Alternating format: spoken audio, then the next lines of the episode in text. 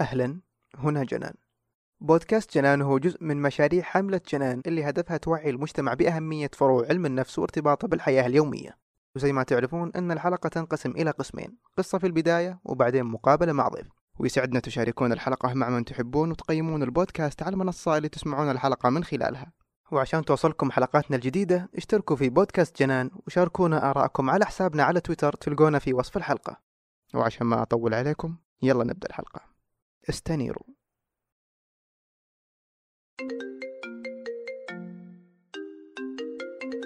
ألو هلا هلا والله كيف الحال؟ الحمد لله بخير شو أخبارك أنت شو علومك؟ الحمد لله بخير خالد شفت المقطع اللي أرسلته لك؟ إيه حق تحدي قراءة 200 كتاب ولا؟ اي هذا يا أخي استغرب كيف الناس ينجزون أشياء زي كذا؟ يعني هم انولدوا كذا ولا جيناتهم كذا ولا إيش السالفة؟ ما أدري ما فهمت شنو اللي مخليك تستغرب أصلا؟ يعني أنا مستغرب كيف في ناس كذا عندهم إنجازية وطاقة وتنظيم وقت ناس ثانيين لا أنا لو بحط نفسي مثال يلا أنجز مهمة مهمتين في اليوم حتى لو كنت فاضي. أشوف إن الموضوع فيه عوامل كثيرة بس يعني أي شخص لو وجد الدعم المناسب وتعاملنا معه بالطريقة الصحيحة ممكن يوصل اللي يبيه. والله يا ريت العالم وردي مثل كلامك. مو بموضوع وردي لكن تخيل لو في شخصين في حياتك واحد يحبطك ويجر لك تضييع الوقت وإذا حاولت تنجز شيء يستهزي فيك. وشخص ثاني يدعمك يثق فيك وينصت لك. تاخذ راحتك في الكلام معه. ويكون مستشار أمين لك. ويتأمل فيك خير ويتمناه لك. أكيد الثاني بيكون مفيد بس بس هذا مو العامل الوحيد داري لكنه عامل مهم مرة. تخيل إنك مع الشخص المحبط طول الوقت. وش بيصير فيك؟ طب كيف ألقى الشخص الداعم هذا؟ والله حاول تكون أنت هذا الشخص. في النهاية العوض بيجيك من الله. يرفضون تعريف الإنسان أو وضع في قوالب يرفضون القوالب أو المرجعيات الكبرى اللي تحدد ما هي للإنسان. هذه الأخصائية حزوة العجمي وهي معنا اليوم عشان نتكلم بشكل موسع عن علم النفس الإنساني. وأول شيء تحدثنا عنه إيش هو علم النفس الإنساني وكيف ظهر وما هو تأثيره؟ آه لما نتكلم عن علم النفس الإنساني في البداية بس حابة يعني أوضح إيش معنى كلمة إنساني. الكلمة هذه لها آه يعني معنى تاريخي ومعنى فلسفي. آه الإنساني أو الإنسانية آه مأخوذة من مركزية الإنسان وهي مرتبطة بحركة أو بعصر النهضة الإيطالية وعصر النهضة في أوروبا. آه كان في ناس هذاك الوقت آه رجعوا يحاولون يعني آه يعيدون إحياء ال- الثقافة والفنون والمعارف اللي نسميها إنسانية. آه فكان في هذاك الوقت زي ما يعرف الجميع أنه آه كان في سلطة كنيسة بالعصور الوسطى كان يعني في تضييق على الناس. الثقافة والفنون وهذه الأمور يعني ما هي مقدرة أو يهتمون لها. بعكس اللي هو ال- اللاهوت أو ال- الدين. آه فكانت هذه الحركة آه يعني محاولة إلى أنه يترجمون ويعززون اللي هو الثقافة أو الحراك الثقافي. آه فصار في حركة لترجمة اللي هو ال- ال- المعارف القديمة اليونانية. آه فتأثروا الناس بها. وكانت هذه المعارف إيش تحتوي عليه؟ كانت آه تقريبا هي ال- ال- المعارف أو اللي من الحضارة اليونانية القديمة ما قبل آه سقراط. آه الفلاسفة السوفسطائيين اللي نقصد فيهم كانوا معلمين.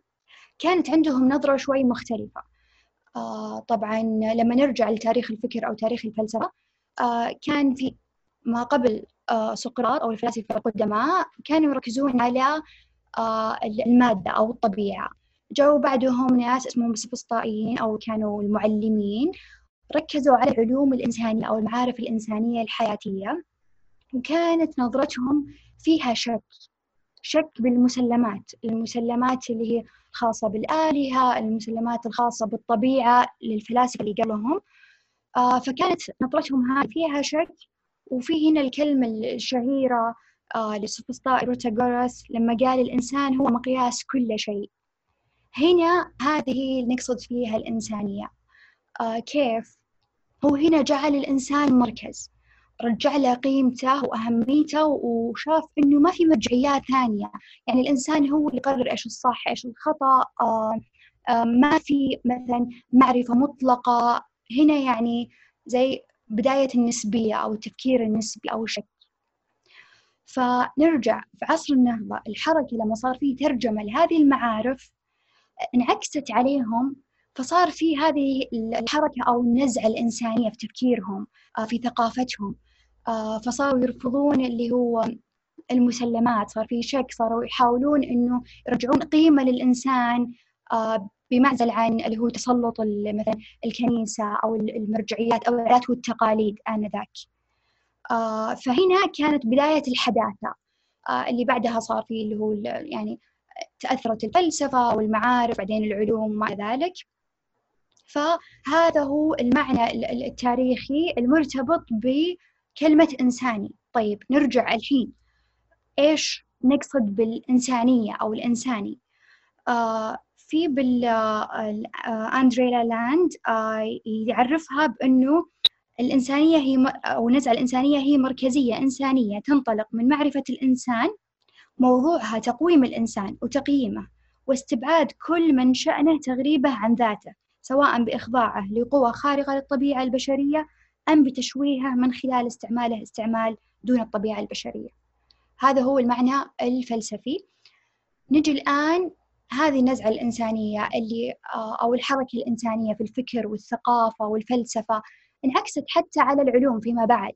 يعني وصار أي شخص مثلا له نظرة معينة للإنسان والطبيعة آه، يغلب عليها التفاؤل ويغلب عليها أنه يعطي قيمة لفردانية الإنسان آه، تسمى بالنزعة الإنسانية أو يطلق عليه أنه عنده نزعة إنسانية.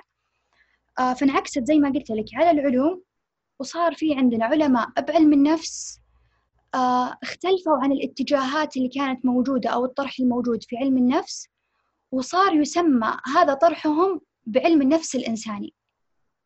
طيب هنا البدايات طبعا إحنا نتكلم هنا عن فترة الخمسينيات أو الستينيات. عندنا اللي هو علم النفس الإنساني لما طلع تأثر بهذه النزعة يعني ما في أو يعني ما في شيء يخرج من العدم. هو هذا هو معنى المسمى وهو انعكس على هذول العلماء طبعا لأسباب عديدة. بقراءاتهم بممارساتهم بشخصياتهم يعني حاجة هم آه، ينظر يعني أثرت فيهم أو هم ينظرون للطبيعة بهذا الشكل أو يميلون إلى هذه النظرة. فظهر عندنا علم النفس الإنساني آه، تبلور أكثر في بداية الستينيات آه، صدرت مجلة اللي هو علم النفس الإنساني الجمعية الأمريكية لعلم النفس. آه، صار في عندنا اللي هو يعني من الأسماء الشهيرة أبراهام ماسلو كارل روجرز أثروا كثير بنظرتنا للطبيعة البشرية بعكس مثلا التحليلية أو السلوكية. وأثروا برضو بال يعني بطريقة الممارسة.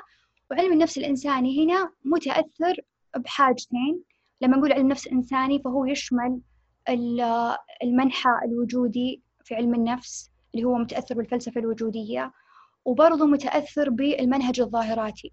المنهج الظاهراتي هو طريقة لفهم أو التعامل مع الظواهر تتطلب أنه الباحث عشان يعني هي الأساس فيها عشان إحنا نفهم الإنسان نفهم العالم نفهم الظاهرة اللي قدامنا نحاول نبعد كل افتراضاتنا وأفكارنا المسبقة ونراقب بوعي هذه الظاهرة آه، ونصفها الوصف الدقيق عشان نقدر نفهمها. آه، فهذا كله النزعة الإنسانية المنهج الظاهراتي الفلسفة الوجودية هي اللي شكلت لنا حاجة اسمها علم النفس الإنساني. اللي بنعرف أكثر طروحاته يعني بعد شوي. الاتجاه الإنساني كيف ينظر لنا كأفراد؟ آه عظيم. آه في بال يعني بالمنح الإنساني في مسلمات أو يعني آه نظرة عامة للإنسان طبعا في اختلافات لأنه لما نتكلم عن منح إنساني في أطروحات مرة كثيرة وفيها اختلافات لكن بشكل عام ينظرون إلى طبيعة الإنسان إنها طبيعة طبيعة تميل إلى الخير أو يعني طبيعة إيجابية. يشوفون إن الإنسان يعني كائن واعي نشط مدفوع للنمو. وهنا آه، النظرة هذه لما نعرف عن علم النفس أو نقرأ فيه يعني نلاحظ أنه مو كل العلماء يتفقون على هذه النظرة. آه، نفس الشيء يشوفون أنه الإنسان هو في حالة صيرورة. يعني هو مو مادة هو مو شيء ساكن هو مو شيء قابل إنه إحنا نحطه في قوالب أو نعرفه. فهو في حالة صيرورة مستمرة إلين آخر لحظة في حياته. آه يشوفون إنه الإبداع آه خاصية يعني أصيلة في الإنسان. آه كلنا نولد بنفس الإمكانات. لكن اللي يختلف آه يعني ممكن يكون آه بسبب الظروف أو البيئة آه هي اللي تحد من ظهور هذه الإمكانيات أو تفعيلها. هذا بشكل عام. في عندنا إبراهام ماسلو يمكن أغلب الناس يعرفونه لأن وظفوا يعني أطروحته أو نظريته بكل المجالات. هو اللي يعني وضح لنا فكرة الاحتياجات الدوافع عند الإنسان أولوياته وكيف تأثر عليه بحياته وما إلى ذلك. ففي في البداية بمقدمة الحلقة سمعنا عن شخص كان نقطة التحول في حياته هو الأستاذ اللي عامله بطريقة مختلفة حسسه بالقبول حسسه بالثقة قدم له دعم. فكان هذا التحول هو يشوف إنه بداية يعني إنه يتغير في حياته وصار وتوجه إلى الإبداع وظهر فيه الإبداع وصار فيه رضا عن نفسه أكثر. هذا الشيء ماسلو يقول لنا إياه في هرم ماسلو الشهير اللي أغلبنا نعرفه إنه في احتياجات للإنسان، في احتياجات ملحة أساسية فطرية هذه الحاجات الأساسية خصوصا الدنيا اللي هو الحاجات الفسيولوجية الحاجة للسلامة أو الأمن. هذه الحاجات جدا ملحة وإذا ما أشبعت عند الإنسان سواء بسبب فقر أو مشاكل أو غيره تأثر مرة على نموه العضوي النفسي استقراره وكل شيء. لأنها أصلا ممكن تهدد بحياته. آه وبرضو إشباع الحاجات الثانية اللي هي العليا اللي هو الانتماء آه الحب. التقدير تفعيل الذات أو تقدير الذات. آه ممكن تكون حتى مرتبطة بهذه آه الحاجات الأساسية. فعندنا الآن الطالب اللي بالجامعة اللي كان يحكي إنه هو ما قدر يبدع ويرضى عن نفسه ويحس براحة أكثر أو يلاقي نفسه ويحققها أو يحقق ذاته إلا لما حس بقبول من الأستاذ.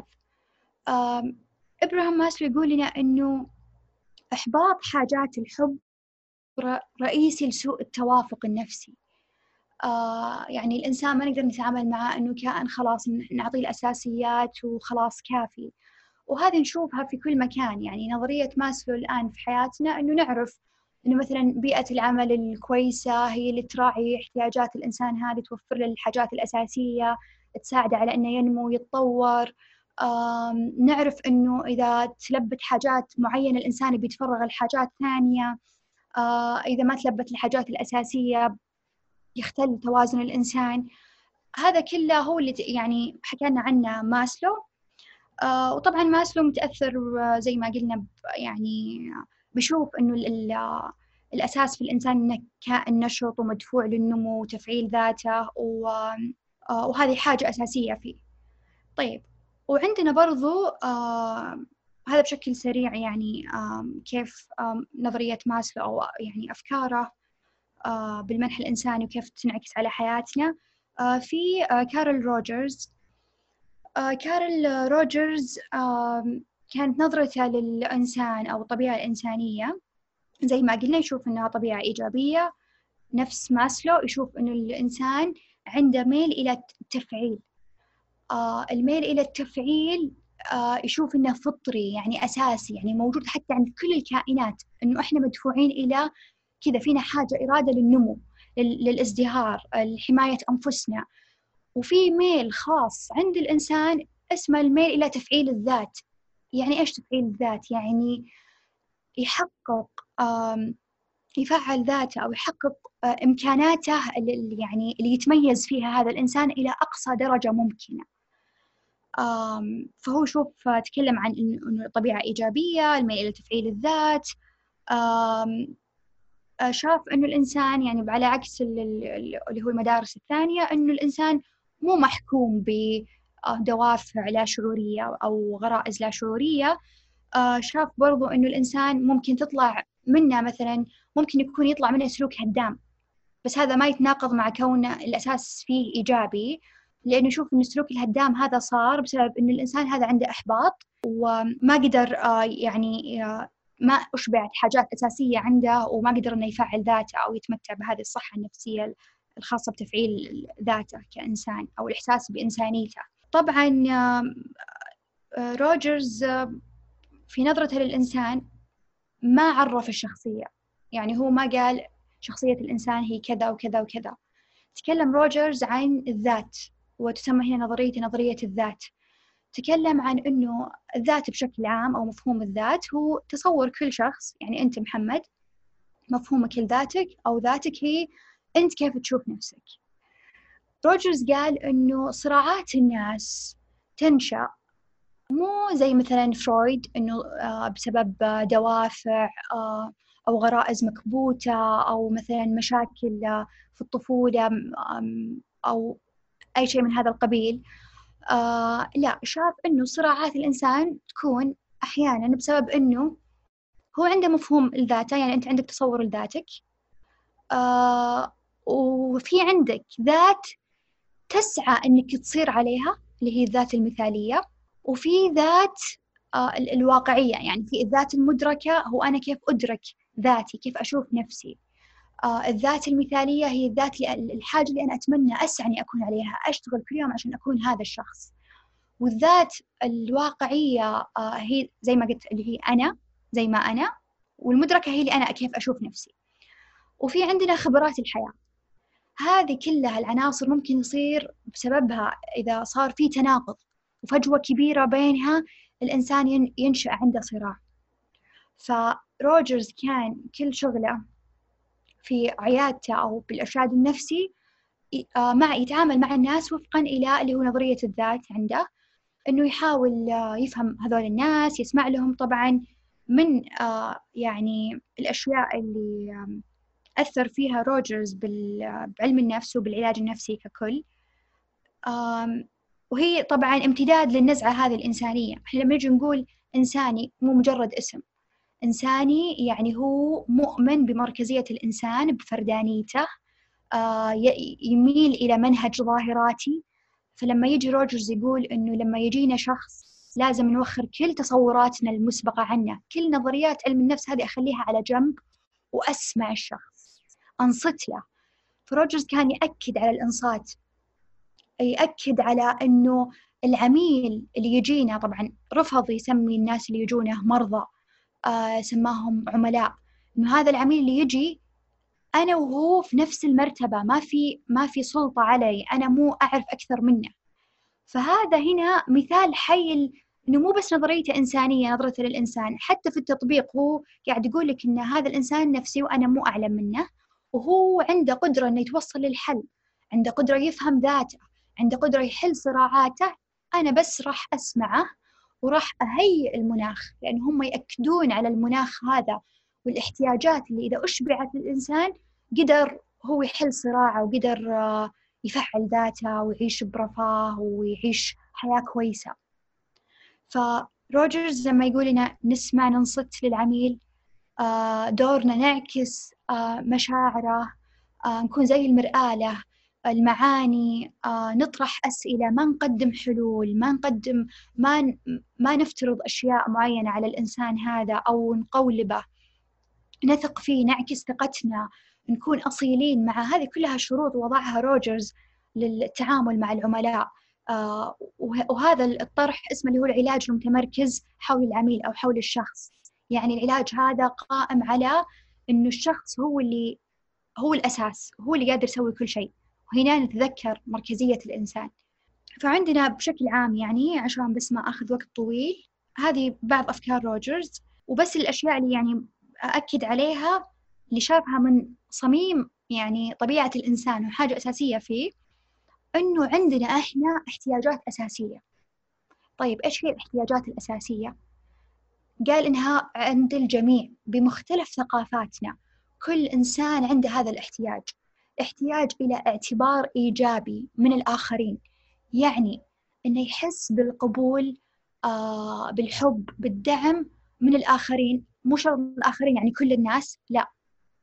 آه يكفي لو شخص واحد في حياة هذا الإنسان. والأهم والأهم أكيد اللي يفضل عشان ما يصير في صراعات وإشكالات عند الإنسان إنه يكون هذا الاعتبار الإيجابي يحس فيه في أسرته في من عند الأب والأم. من الدائرة القريبة. آه فالاعتبار الإيجابي من الآخرين هذا جدا مهم شيء أساسي في يعني بنظرة روجرز. نفس الشيء الشيء من الحاجات الأساسية الاعتبار الإيجابي الذاتي يعني الإنسان يشوف نفسه كويس ويتقبل ذاته. وفي هنا يعني شيء مترابط اللي هو الاعتبار الإيجابي من الآخرين والاعتبار الإيجابي للذات آه مو شيء منفصلين عن بعض. هذا بشكل عام يعني آه مسلمات أو نظرة المنحى الإنساني لطبيعة الإنسان أو السلوك ويعني بعض أفكار ماسلو روجرز وش علاقة الفكر الوجودي بعلم النفس؟ وهل في علماء بارزين في الاتجاه النفسي الوجودي؟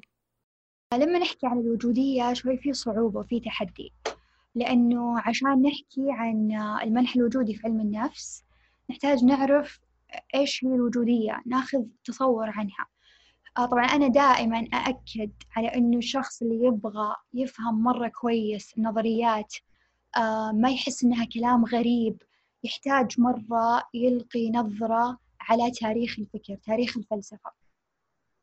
فلما نتكلم عن المنح الوجودي آه فيه علماء آه بالمنح الإنساني والمنح الوجودي كلهم طبعا كلهم بينهم هذا الشيء المشترك هم أساسهم واحد لكن في اختلافات كلهم تأثروا بالفلسفة الوجودية. الفلسفة الوجودية يعني بحاول أقربها بس بشكل جدا مخل وبسيط. هي نقدر نقول مذهب أو تيار فلسفي. ركز على قضايا معينة أكثر من قضايا ثانية في في تاريخ الفلسفة. وركز على الأمور اللي يعني من اسمها وجود. في الوجود حاجة مشتركة في وجودنا كلنا آه مو خارج وجودنا. لما نتكلم عن وجودنا اللي هو مثلا قضايا مثل حقيقة إنه إحنا كائنات يعني آه مختلفة ما يعني مهما تشابهنا في اختلافات تجاربنا آه ينظرون إلى التجربة الإنسانية يعني يعطونها فردانيتها يعطون كل إنسان حقه يرفضون تعريف الإنسان أو وضع في قوالب يرفضون القوالب أو المرجعيات الكبرى اللي تحدد ماهية للإنسان. آه، يشوفون أن وجودنا في هذا العالم يسبق ماهيتنا. ماهيتنا يعني وش وظيفتنا؟ إيش دورنا؟ مين إحنا؟ وجودنا أول بعدين يعني ماهيتنا إحنا اللي يعني نصنعها أو نكتشفها أو نقررها. آه، ويأكدون على أنه مثلا أوكي إحنا ننوجد أول شيء في عالم غريب. آه آه ما نعرف متى بدأ آه كيف راح ينتهي لكن إحنا متأكدين من أشياء معينة مشتركة كلنا نعرفها اللي هي إنه إحنا محدودين بالزمان والمكان. آه يعني الإنسان مثلا نقول كم؟ بعيش 80 آه 90 سنة. آه نعرف في قرارة أنفسنا إنه إحنا عندنا قدرة على الاختيار.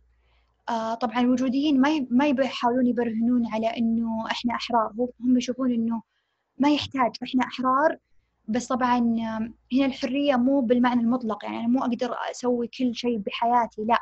دائما عندي فرصة إنه أنا أختار.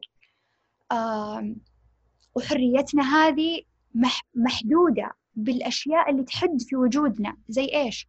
زي القدر الأشياء اللي ما نعرف ليش صارت. يعني إنه انولدنا في بيئة معينة في يوم معين بلون معين باسم معين. نفس الشيء حريتنا محدودة بالوقت. ما عندنا وقت كافي نجرب فيه كل شيء. حريتنا هذه تستوجب المسؤولية. فالوجوديين هنا علماء النفس الوجوديين والفلسفة الوجودية يشتغلون على هذه الأمور اللي إحنا نعيشها الخبرة المعاشة. يرفضون إنه الفلاسفة الوجوديين التعامل مع القضايا بالتجريد. إنه زي مثلا الفلاسفة المثاليين المثاليين بالمعنى الفلسفي يعني العقلانيين اللي كل شيء يجردونه يتكلمون عن الإنسان الإنسان بشكل عام. آه، أو الماديين أو التجريبيين اللي يركزون على الأشياء المحسوسة ويجزئون ال- الخبرة أو التجربة أو الظواهر. فالوجودية آه لا يعني يشوفون إنه لا إحنا قضيتنا هي القضية هذه المعاشة اللي كلنا يعني نحس فيها كبشر. قضيتنا إنه إحنا موجودين إحنا كائنات مختلفة متفردة وبرضو موجودة وسط عالم.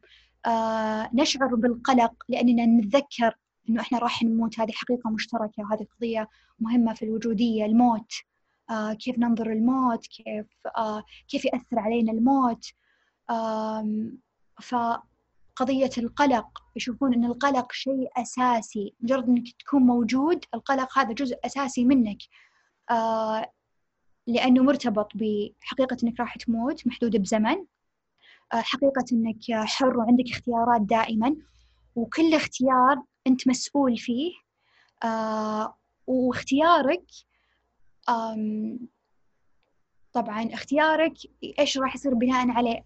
تختار شيء واحد من بين أشياء كثيرة وما تعرف إيش راح يصير بعدين فلازم تكون مسؤول عن النتيجة.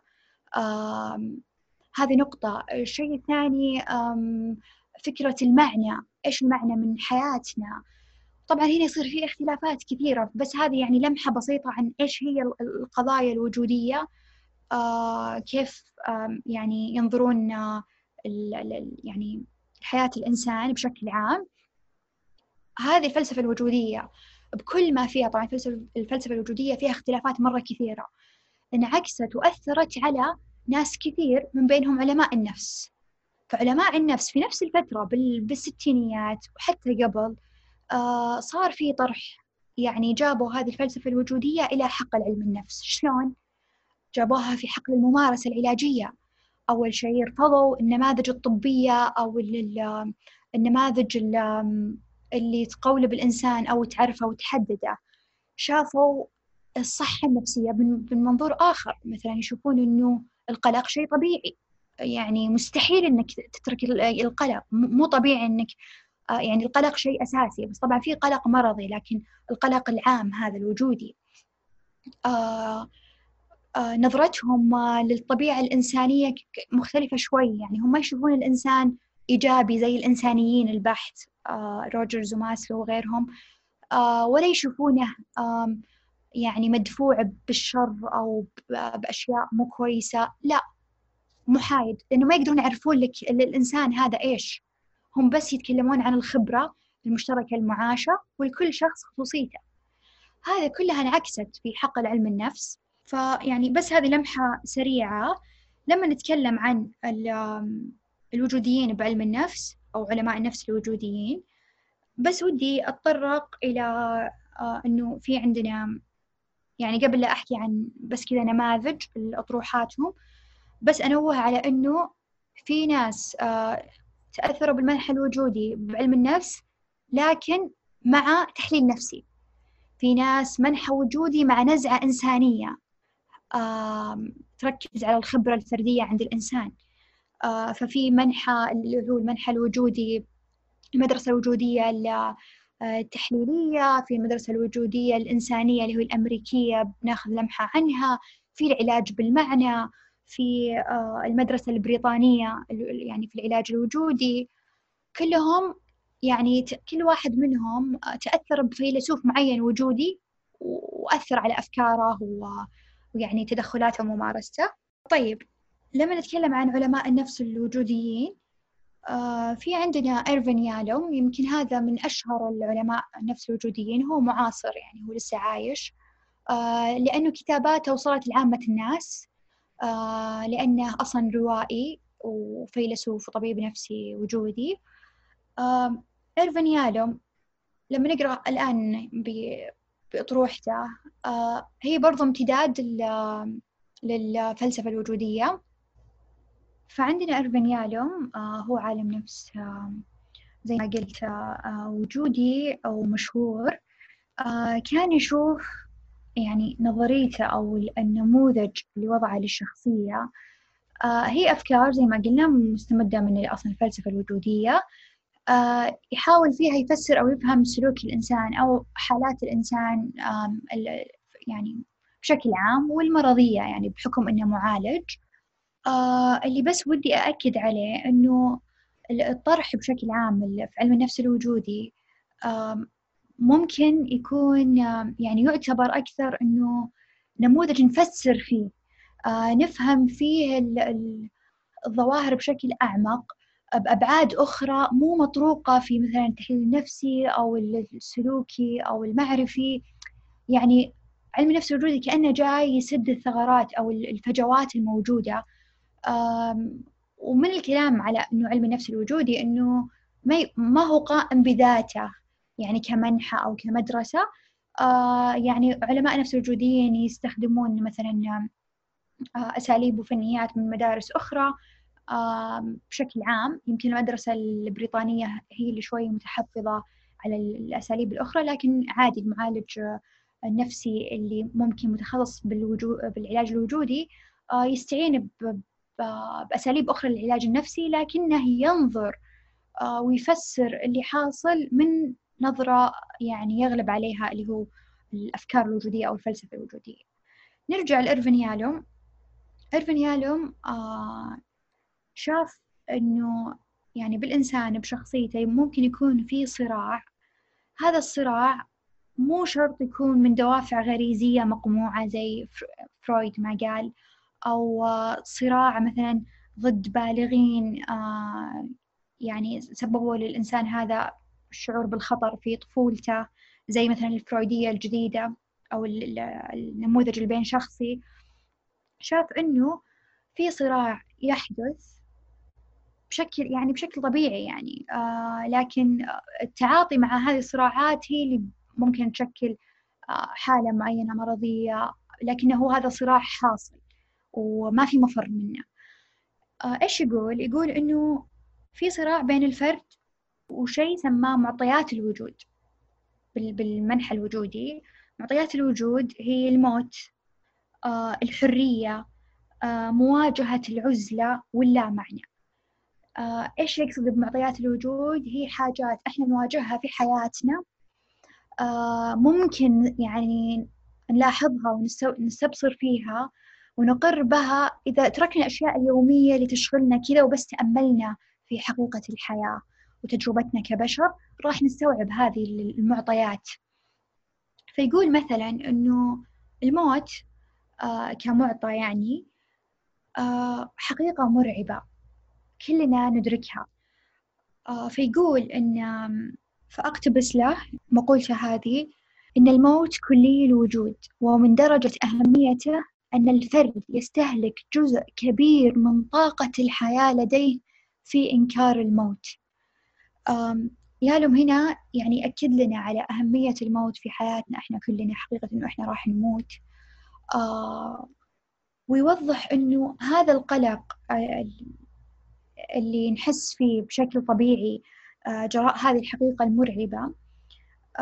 إحنا كبشر ممكن بشكل شعوري أو لا شعوري يصير في عندنا دفاع ضد ضد هذه ضد هذا الشعور بالقلق الناتج عن حقيقة إنه إحنا راح نموت.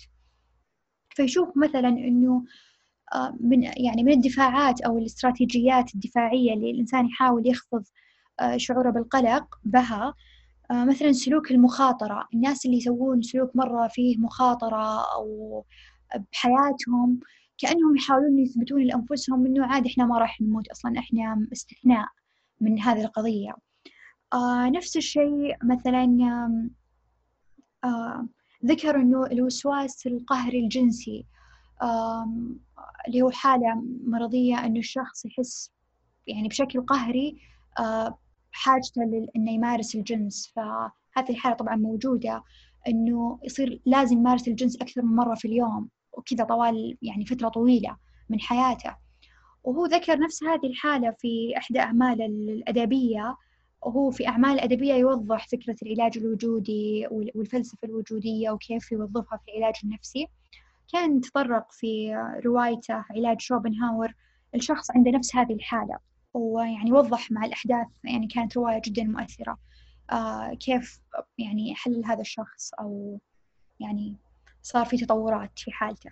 آه نفس الشيء من معطيات الوجود يعني ثاني معطى أو ثاني الهموم في الوجود اللي يواجهها الإنسان ويصير فيه صراع معاها الحرية. ليش؟ لأنه يشوف أن الحرية زي الفلاسفة الوجوديين الحرية ضروري معاها القلق. القلق مرتبط بإحساسنا أو إدراكنا لحريتنا. حريتنا يعني لما أجي أنا الجامعة بختار تخصص أنا حرة في اختياري. آه، لو ما كنت حرة ما راح أحس بالقلق لأنه ما في خيار. لكن لأنه في خيارات أنا بأقلق لأني حرة ولأنه اختياري أنا بكون مسؤولة عن اختياري ولأنه إذا اخترت شيء أنا راح أنفي إمكانات أخرى وبختار إمكانية واحدة. آه فالموضوع مو سهل.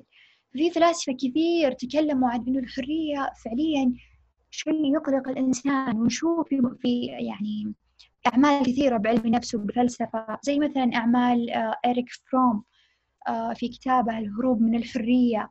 شوف أن الحرية حاجة ثقيلة على البشر وفي كثير بشر آه يعني يتخلون عنها إما بالتماهي مع الآخرين إما بأنهم ما يختارون.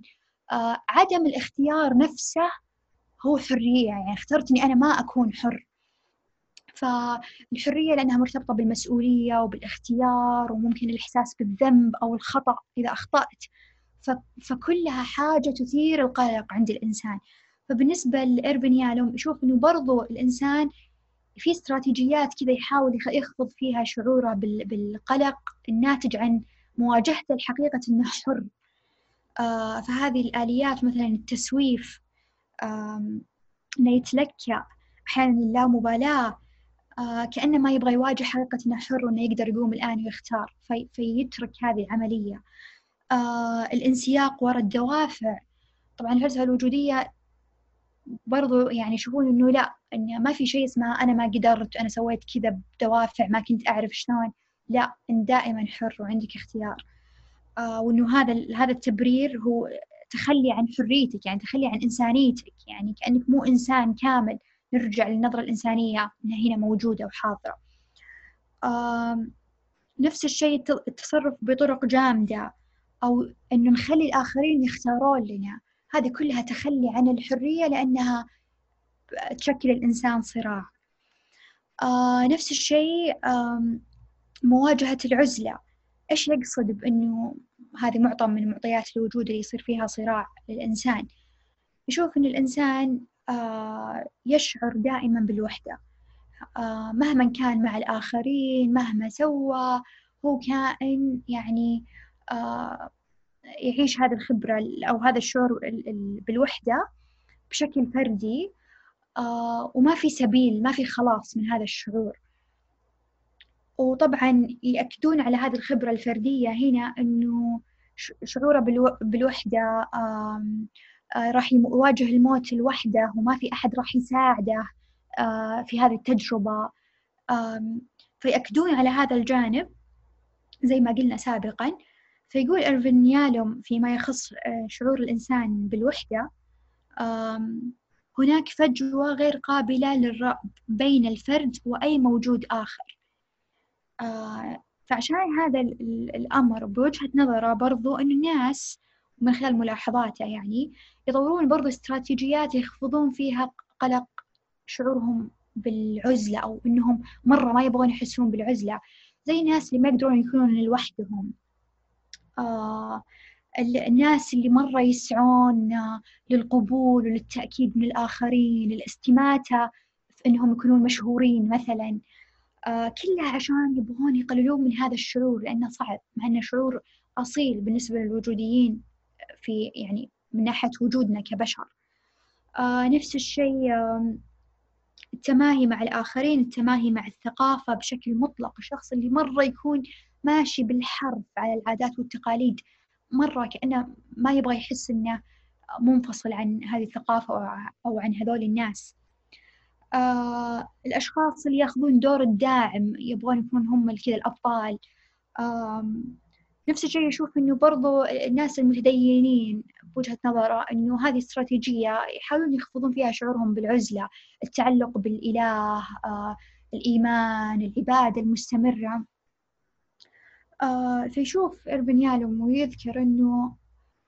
هذه الاستراتيجيات قد لا تخفض القلق بالعكس قد تزيده آه، محاولة تجنبنا للشعور بالعزلة يعني يكون له تبعات سيئة. فمثلا بالنسبة للأربنيالو ممكن في العيادة إذا جاء له شخص يعني كيف هنا يختلف النموذج هذا أو النظرة هذه للإنسان؟ ممكن لما يشوف إنسان يستميت آه، للشهرة أو للقبول أو ما يقدر يقعد الحالة ممكن ينصحه إنه ياخذ عزلة آه، يعني ينعزل يجلس فترة كذا لوحده العزلة هذه الاختيارية. آه لأنه إذا يشوف إنه إذا تقبل الشخص حقيقة إنه يحس بالوحدة علاقاته بتصير أفضل مع الناس إنه ما راح يتنقل من علاقة لعلاقة لأنه يحس يتذكر هذا الشعور بالوحدة لا بيكون متقبل هذا هذا المعطى في الوجود يعني. آه نفس الشيء لا معنى. بالنسبة لإيرفين يالوم وهنا في اختلافات يعني بالنسبة للوجوديين فيما يخص المعنى أو معنى الحياة. فيشوف إنه الحياة بالنسبة لإيرفين يالوم ما لها معنى. لكن الإنسان يعني أكيد يسعى لإيجاد معنى. فيشوف إنه مفروض إن الإنسان يعني يتقبل إنه ما في معنى أكيد أو واضح. آه، ويعيش الحياة بالعمل بأنه يتقبل يقدر يتعامل مع هذه المعطيات ويوظف القلق الوجودي عنده في شيء يعتبره أصيل ويعني يفهم نفسه وي... ويعمل باللي يحس إنه مهم بالنسبة له ويتحمل المسؤولية وحريته. آه وهذا على عكس طرح بعض الفلاسفة يعني الوجوديين لا مثلا الوجوديين المؤمنين يشوفون إنه لا في معنى في الحياة يعني معنى ديني أو معنى إلهي إنه في في في غاية من وجودنا ولكن المعنى الشخصي لكل شخص يعني ليش أنا موجودة ليش أنت موجود ليش اللي يسمعنا الآن هو موجود في حياته هذا معنى شخصي يكتشفه الإنسان في حياته يعني بطرق مختلفة. آه هذا بالنسبة لإرفين يالو في عالم نفس وجودي آخر يعني بس ناخذ لمحة سريعة عن أفكاره أو نظريته شوية الاختلافات. هو فيكتور فرانكل برضو من أشهر العلماء آه، النفس الوجوديين. هو طبيب آه، آه، نمساوي أو أيوة. فكان فيكتور فرانكل يعني كتابه الشهير هو انتشر جدا حتى بين يعني عامة الناس مو بس المتخصصين اللي هو بحث الإنسان عن المعنى. آه، شارك في نظريته بشكل بسيط وواضح. آه، شارك في تجربته هو آه، لما اعتقل في اللي هو السجون المعتقلات النازية. وكيف أن تبلورت أكثر نظريته وكيف لما طلع وكل هذا كيف انعكس على نظريته وتصوراته. فيشوف فيكتور فرانكل أنه عند الإنسان إرادة للمعنى. يعني الإنسان يسعى كائن يسعى إلى المعنى. آه مو كائن يسعى إلى مثلا اللذة آه أو تجنب الألم وبس. يعني مثلا زي فرويد بالنسبة لفرويد يشوف إنه أحيانا كائنات نسعى إلى اللذة أو تجنب الألم. أو مثلا آه آدلر اللي يشوف إنه الإنسان مدفوع إنه يعني يتغلب على نقصه ومدفوع بإرادة القوة. يعني عنده إرادة إنه يكون قوي أو يحس بالقوة والتمكن في حياته. آه ففيكتور فرانكل كانت خلفيته تحليل نفسي. آه بعدين يعني انشق عن التحليل النفسي وبلور هذه نظريته آه يعني خلال سنوات عمره وبعد تجربته أكثر.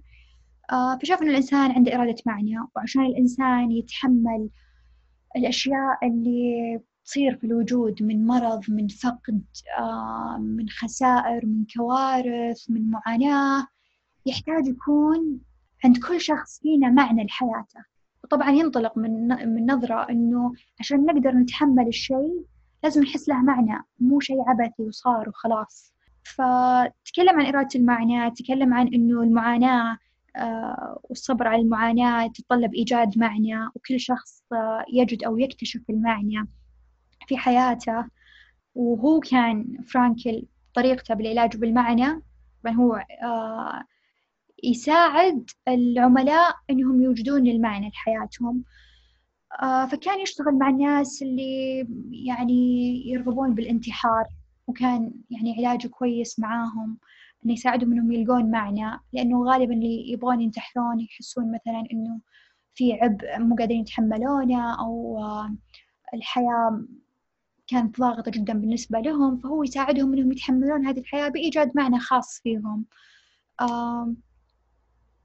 فالعلاج بالمعنى يعني من بين العلاجات الوجودية يعني في علم النفس هو أكثر العلاجات اللي يعني فيها جانب تطبيقي فيها تقنيات.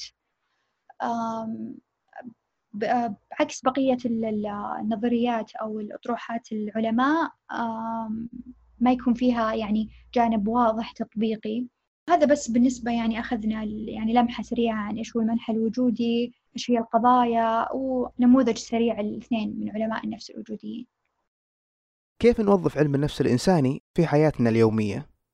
بالنسبة لي المنحى الإنساني يعني صراحة مهم في أكثر من ميدان مهم زي ما قلت في التعليم آه، أن المعلمين هم يعني ما يتخيلون قد إيش لهم دور كبير في حياة الطلاب آه، فنظرتهم تعاملهم تقبلهم مساعدتهم للطلاب آه، وزي ما قلت إنهم يتعاملون معهم كبشر كاملين مو كشيء يجي يتلقى معلومة ويطلع. مرة بيكون فارق في حياة كثير ناس ومرة بيكون مؤثر. آه، وأتوقع أنه سهل يعني كل معلم يقدر بيقرأ في هذا المجال ويطور مهارات عنده إما الإنصات أو في تعامله أو حتى يعني اتجاه. إنساني في طريقته. نفس الشيء الأطباء ممكن مثلا أتخيل إنه كيف نوظف علم النفس الإنساني في في مجال الطب إنه يكون في مثلا كورس للعاملين في المجال الطبي بالإنصات بالتعاطف بكيف يتعاملون مع الآخرين بشكل أفضل. هذا كله ممكن وجميل جدا. نفس الشيء قبل هذا كله آباء وأمهات المربيين لو مثلا تعرفوا على نظرية روجرز لو شافوا نماذج يعني يدركون دورهم يدركون أهمية أنهم يعطون اعتبار إيجابي للأبناء. نفس الشيء من ناحية الطرح الوجودي يكونون يساعدون الأبناء في التربية أنهم يدركون أشياء كثيرة صعبة في الحياة كتناقضات أو تحديات لكن يعززون فيهم الثقة ويعطونهم يعني يوفروا لهم المناخ اللي يساعدهم يساعد كل شخص فينا يتعامل مع هذه هذا الوجود المعقد واللي مو سهل. آه نفس الشيء في الأص... يعني بين الأصدقاء في العلاقات.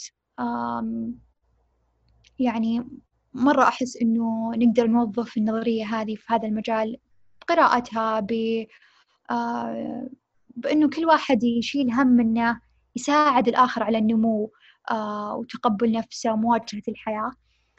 آه وبشكل عام أتذكر في يعني روجرز كان من كيف وظف نظريته آه لما كان حي يعني هو بنفسه. آه كان أصلا روجرز, قبل لا يتخصص علم النفس كان متخصص في اللاهوت بعدين غير وكان من أسرة متدينة. آه فنظريته قدر يطبقها بشكل في يعني سياق اجتماعي في حوار بين الناس اللي بينهم صراعات في قضية السلام آه، والتسامح بين الأديان أو المذاهب المختلفة في المسيحية. ففعلا راح وقعد مع ناس وسافر في أوروبا وقعد على طاولة واحدة وقعد ناس من آه، خلفيات ومذاهب مختلفة. وقال لهم حاول يدفعهم إنهم يشوفون بعض آه، يعني كل جماعة تشوف الأخرى كجماعة مكونة من كائنات إنسانية نفسنا وليست أعداء. آه وساهم هذا في إنه يطور عندهم فعلا الحوار والتسامح. آه فنقدر يعني جمال علم النفس إنه هو تخصص ومجال بمختلف مناحيه آه يهم الإنسان والإنسان موجود في كل مكان وبقضايا مختلفة. فنقدر فعلا نوظفه بيكون شيء جميل لأنه علم النفس مو شيء بس خاص بالعيادة. أو بالطب والعلاج.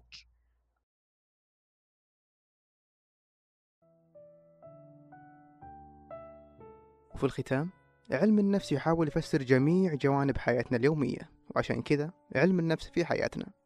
انتبهوا لنفسكم. محدثكم محمد الحميد. نلقاكم على خير.